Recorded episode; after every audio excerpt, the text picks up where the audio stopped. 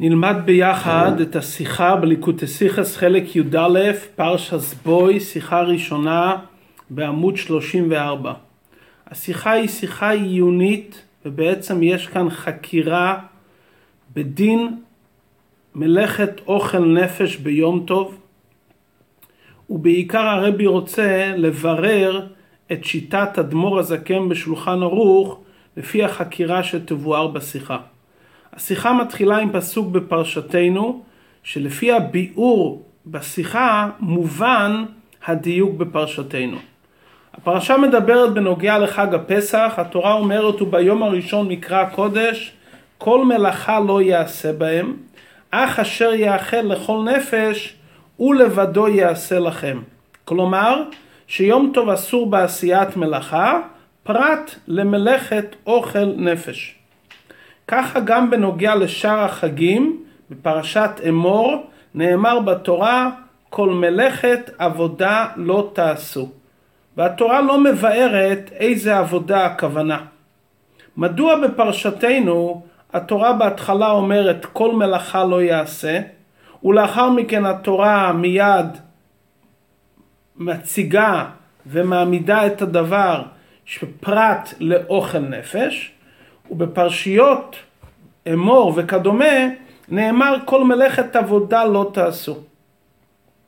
הרמב"ן מבאר שבזה שהתורה כותבת כל מלאכת עבודה לא תעשו, התורה רוצה להדגיש שהאיסור במלאכת יום טוב זה רק מלאכה שהיא עבודה. מה זה המלאכה שהיא עבודה? זריעה וכדומה. אבל המלאכה שהיא מלאכת הנאה, התורה לא אוסרת לנו מלאכת הנאה. בלשון הרמב"ם, בחג המצות נאמר כל מלאכה לא יעשה בהם, והוא צריך לפרש אך אשר יאכל לכל נפש הוא יעשה לכם. לאסור כל מלאכה שאינה אוכל נפש. ומפני שמזכיר כל מלאכה הוא צריך לפרש אשר יאכל לכל נפש הוא לבדו יעשה לכם. כלומר, מכיוון שהתורה כאן בפרשת בו בהתחלה אמרה כל מלאכה לא יעשה, הצריכה התורה למיד לבאר ולומר אך למעט מלאכת אוכל נפש.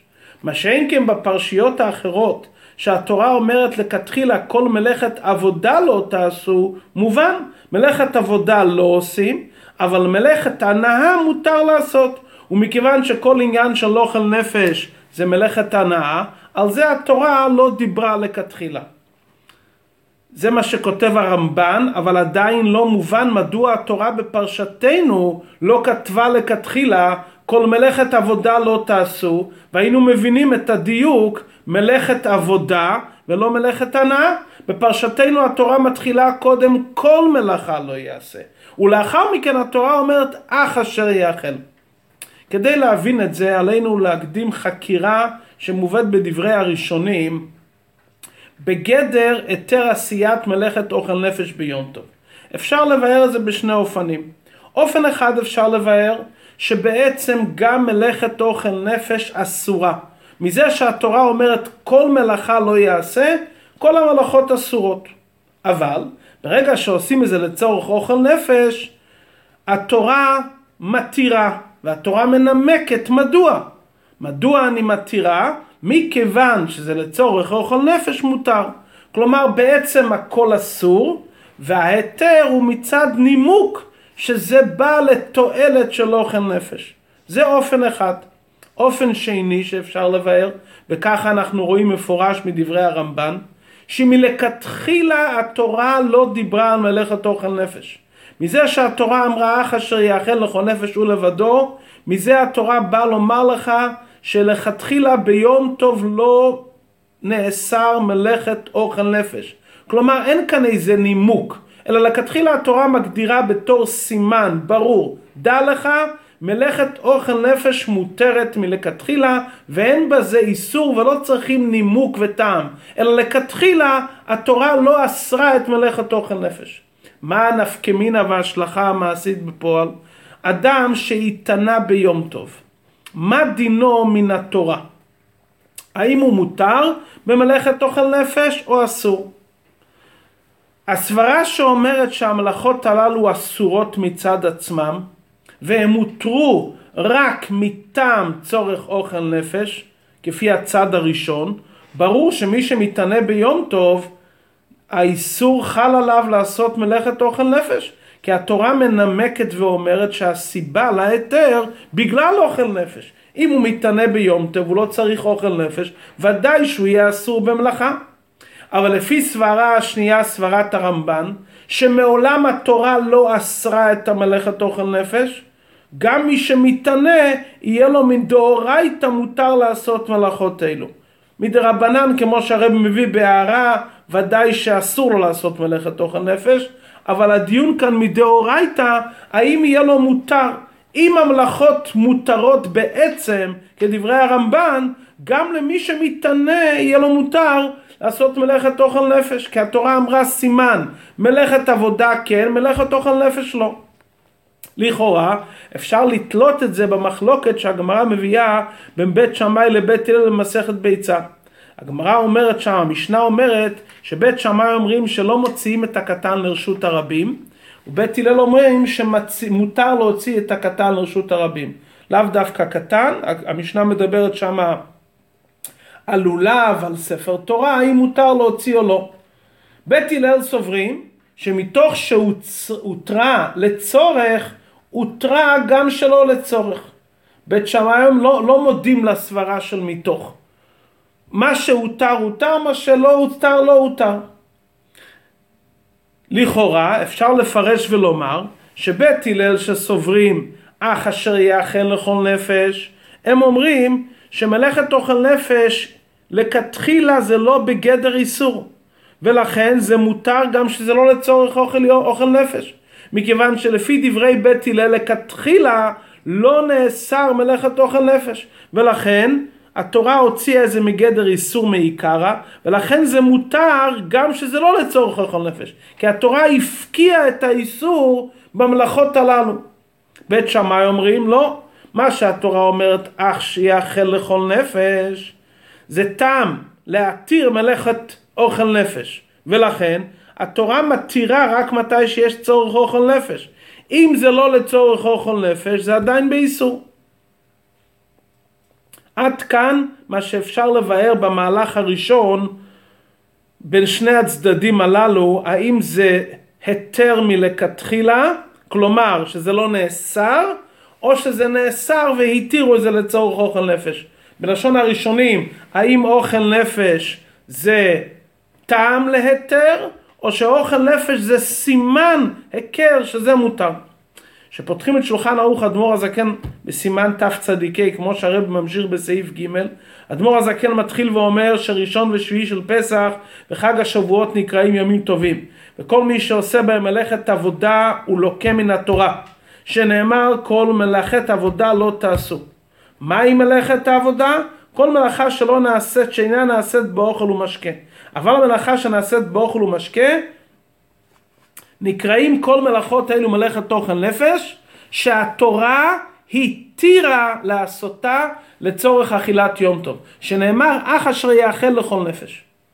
בתחילת דברי אדמו"ר הזקן, שהוא אומר מהו מלאכת עבודה, ומגדיר כל מלאכה שאינה נעשית באוכל או משקה, משמע כדברי הרמב"ן, שלכתחילה מה הגדר? רק מלאכת עבודה. מלאכת הנאה לא נקראת בכלל מלאכה. לכאורה תחילת דברי אדמו"ר הזקן זה כמו דברי הרמב"ן, שמלאכת אוכל נפש היא מלאכת הנאה, התורה בכלל לא אסרה ולא דיברה על זה, וזה מותר מעיקרא. זה תחילת דבריו.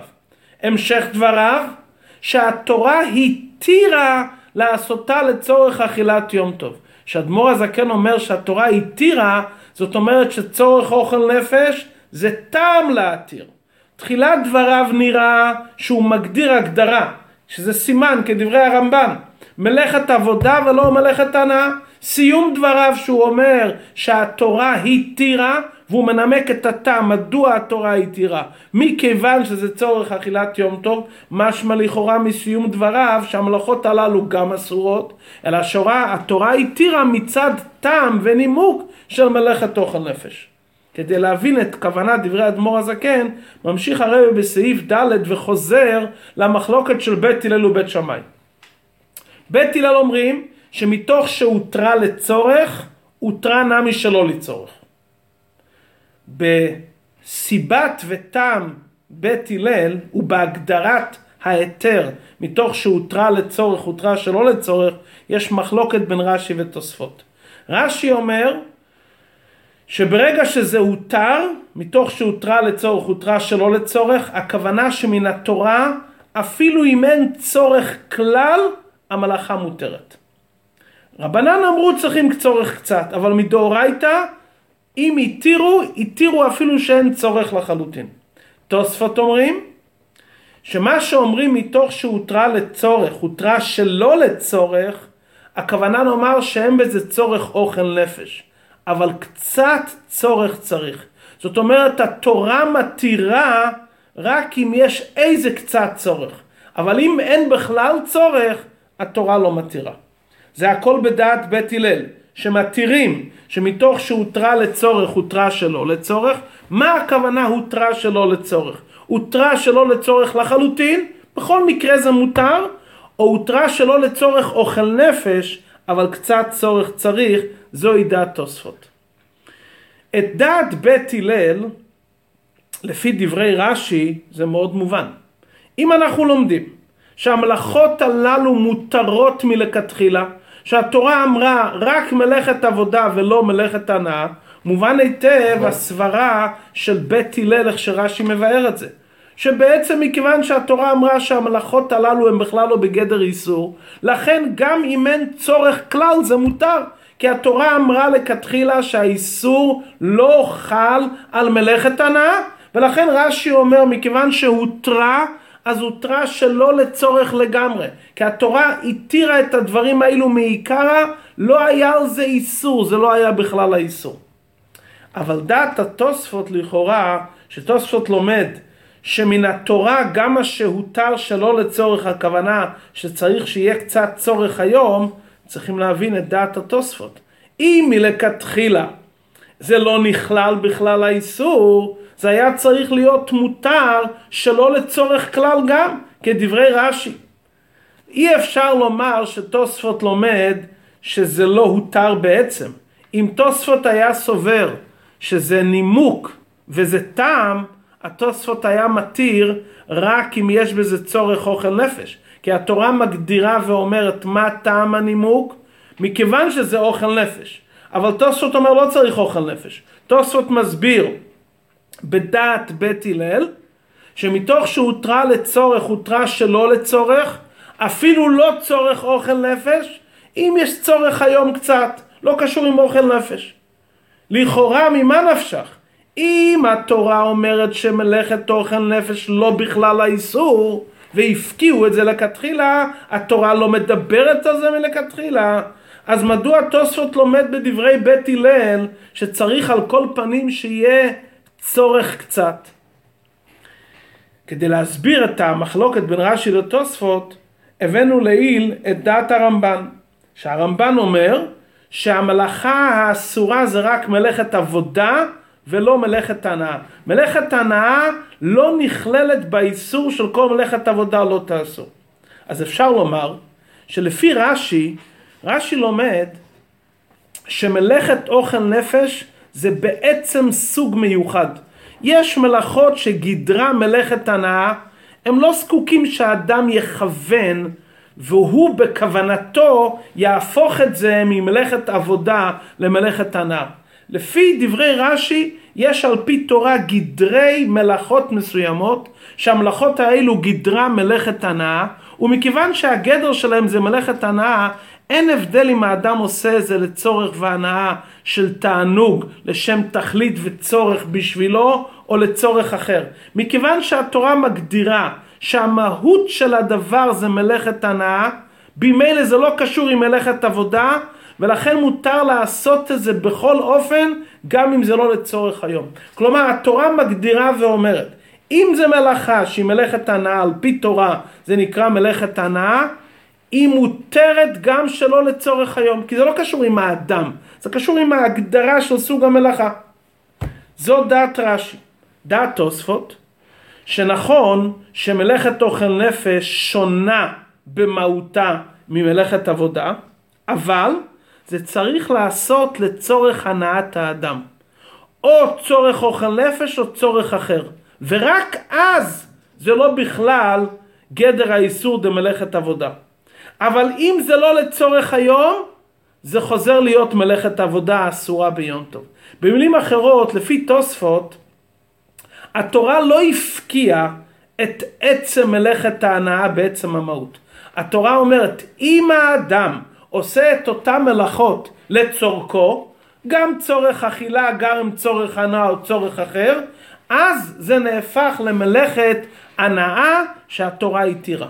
אבל לא מצד גדר המלאכה, אלא מצד מה שהאדם מכוון, מה המטרה של האדם. כלומר, רש"י אומר שבהגדרה שהתורה אומרת אך אשר יאכל לכל נפש, התורה מגדירה יש סוג מלאכות שהן מלאכת הנאה, וזה לא משנה מה אתה מכוון, מה אתה צריך. המלאכות הללו הן מלאכת הנאה, וגוף ועצם מלאכות אלו מותרות ביום טוב. תוספות אומר, נכון שהתורה התירה את המלאכות הללו, אבל היא התירה אותה מתי שאדם מכוון והמטרה שלו זה לצורך הנאתו. ואז אם האדם מכוון וזה לצורך הנאתו, אז התורה הפקיעה את זה ממלאכת עבודה. זאת אומרת, גם תוספות סוברים, לכאורה, שהתורה בעצם התירה את האוכל נפש בתור סימן, לא בתור נימוק. התורה אומרת מלאכת אוכל נפש היא מלאכת הנאה שלא נכללת בגדר האיסור דמלאכת העבודה.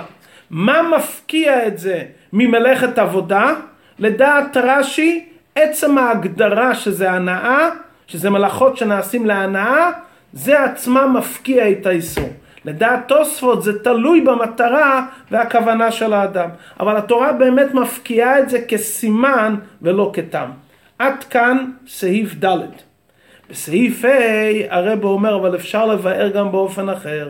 אפשר לבאר שגם לפי תוספות בית הלל הסברו שזה לא היתר גורף של סימן, אלא בעצם זה טעם ונימוק.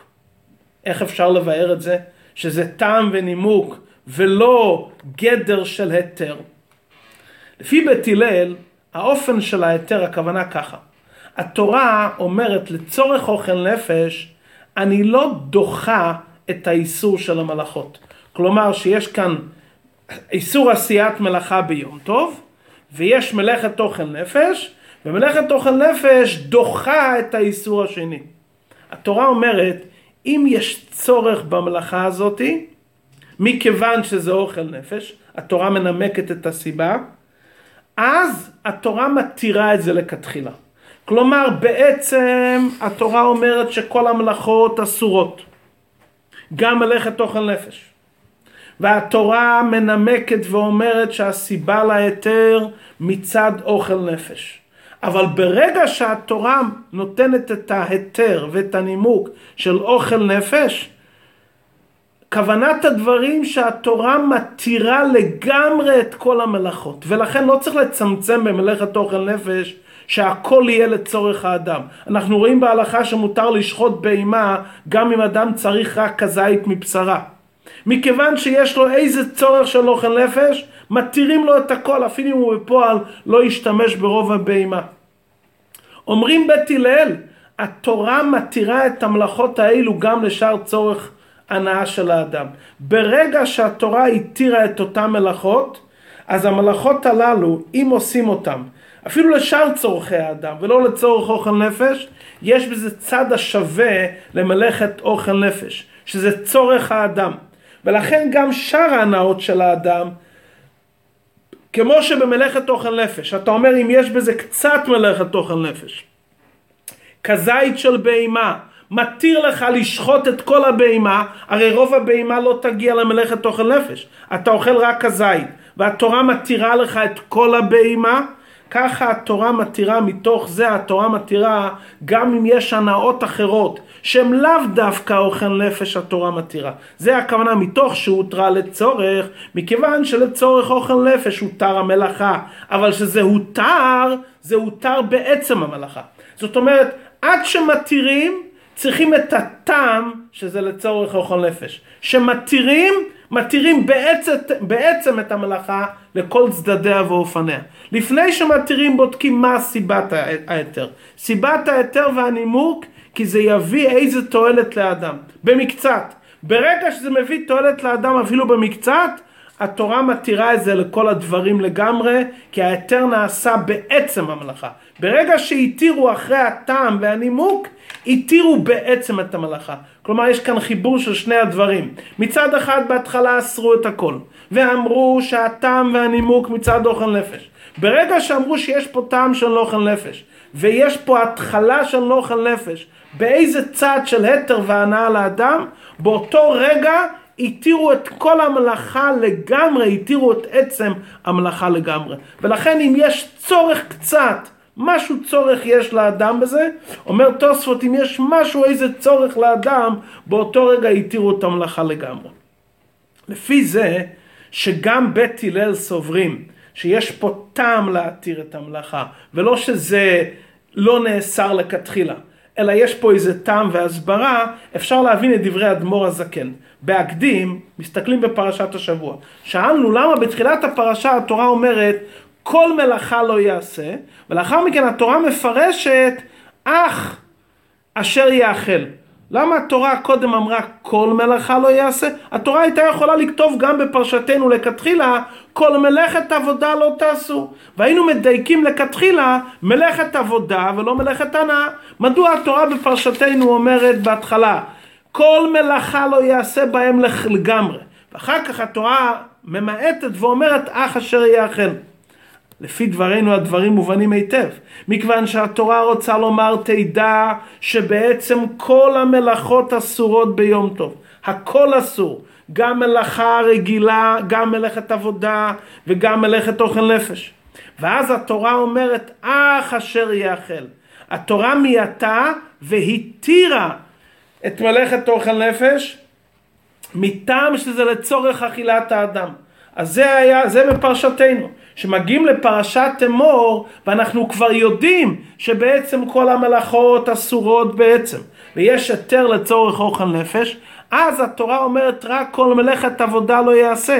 כי אנחנו כבר יודעים הרי שכל המלאכות בעצם אסורים ואין מקום לטעות שמלאכת אוכל נפש לא נאסרה כי נאמר בפירוש בפעם הראשונה בפרשתנו בנוגע לחג הפסח כל מלאכה לא תעשו ורק התירו את זה מטעם, בגלל, יש בזה הסבר ונימוק מצד מלאכת אוכל נפש. ולכן גם בדברי אדמו"ר הזקן גם זה ככה. אדמו"ר הזקן בהתחלה מביא את האיסור עשיית מלאכה בכל החגים.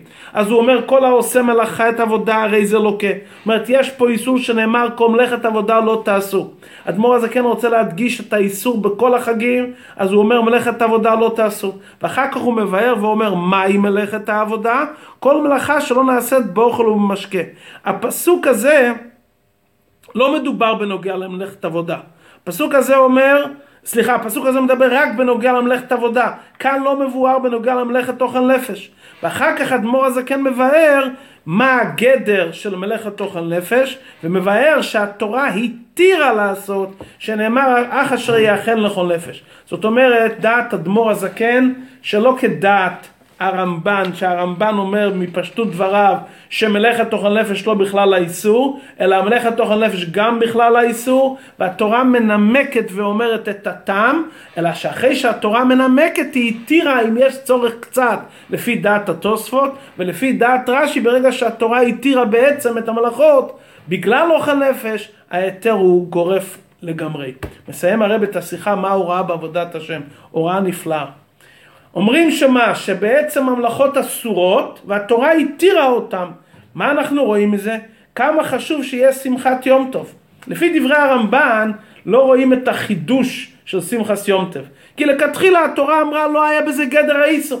לפי איך שמבואר כאן בדעת אדמו"ר הזקן שבעצם כל המלאכות אסורות אלא מה מצד העניין של שמחת יום טוב, שזה כזה דבר עיקרי במועדים, התורה מתירה ואומרת אני מתירה לך שיהיה שמחת יום טוב, שליהודי יהיה שמח ביום טוב, למרות האיסור התורה התירה. אז מובן יותר ההפלאה של הדבר עד כמה חשוב שמחת יום טוב, שאף על פי שמלאכת אוכל נפש הייתה בכלל האיסור, אבל מצד היוקר של שמחת יום טוב התירו את הדברים. ידוע שהארת המועדים מאירה בכל יום. אז ממילא כמו שביום טבע שמחה זה דבר עיקרי, אז מובן ששמחס יום טבע האדם צריך להרגיש את זה בכל השנה, כי מיום טבע זה צריך להגיע לכל החגים, והתורה מתירה מלאכת אוכל נפש למרות שהיא הייתה בכלל האיסור העיקר בשביל מה? בשביל שיהודי לכתחילה יוכל להיות בשמחה. אז נוסף לכך שיהודי צריך להיות בשמחה בעת קיום המצווה, שמחה של מצווה, ודאי שפעולת המועדים צריכה לגרום שהשמחה תומשך במשך כל היום כולו. עד כאן השיחה. אפשר לומר על השיחה הזו דבר מאוד מעניין, שרואים אצל הרב את הנקודה הזאת של אילו ואילו דברי אלוהיקים חיים. החקירה הזאת בראשונים, האם האתר לא יאכל נפש, זה סימן אותם, שזה לכאורה דעות חלוקות, הרבה בשיחה הזאת מראה ומחבר את שני הדברים ביחד. איך שמצד אחד זה טעם, ומצד שני אחרי שזה טעם, אז זה נהפך להיות סימן שהתירו את כל המלאכת אוכל נפש לגמרי, אפילו אם יש בזה צורך קצת, ולדעת רע שאפילו אם אין צורך קצת. ודווקא לפי איך שהרבא מבאר, שמלאכת אוכל נפש הייתה בכלל העניין, שהרבא מדייק את זה מפרשתנו, מזה שהתורה מתחילה ואומרת כל מלוכה, ואחר כך אח אשר אוכל, מזה רואים שקודם יש איסור בעצם, ורק אחר כך מתירים, בזה הרבא רוצה להפליא ולהראות עד, עד כמה שמחה חשוב, עד כמה התורה רוצה שיהודי ישמח ביום טוב. לפי דעת הרמב"ן לא רואים בכלל את החידוש של התורה כל כך, שהתורה רוצה שמחס יום טוב, מכיוון שהתורה לכתחילה מלכתחילה אמרה שזה לא בכלל האיסור. לפי דברי הרמב"ן על מלאכה שכל נפש התורה לא דיברה. נו, אז זה שיהודי מותר לו איכל נפש, לכתחילה אין בזה שום עניין של איסור. לא רואים את החידוש של עניין השמחה. אבל לפי הבירו של הרבה שמלאכת יום, תוכן נפש הייתה בכלל האיסור לגמרי. כמו שנאמר כל מלאכת סבוי דליססו, אז פה מובן עד כמה התורה רוצה שיהודי ישמח ביום טוב בכל השונה, שהתירו איזה איסור אם יש קצת הנוער לאדם, איזה הנאה שיוסיף לו שמחת יום טב, למרות שזה איסור התורה מתירה. אז עדיף לומר שזה איסור ולהפליא עד כמה התורה רוצה שיהודי יהיה בשמחה, מאשר לומר שלכתחילה התורה התירה. הרב לומד את זה בפסוקים, בתוך הפסוקים ובדברי אדמו"ר הזוקן. יש כאלו שלומדים את אדמו"ר הזקן באופן שונה. בספר המועדים בהלכה יש קצת הסבר שונה בזה. אבל הרב פה רוצה להפליא איך שיהודי יקר למעלה מהתורה, שהתורה כביכול מתירה בשבילו עניין שהוא איסור. עד כמה חשוב העניין של שמחת יום טוב.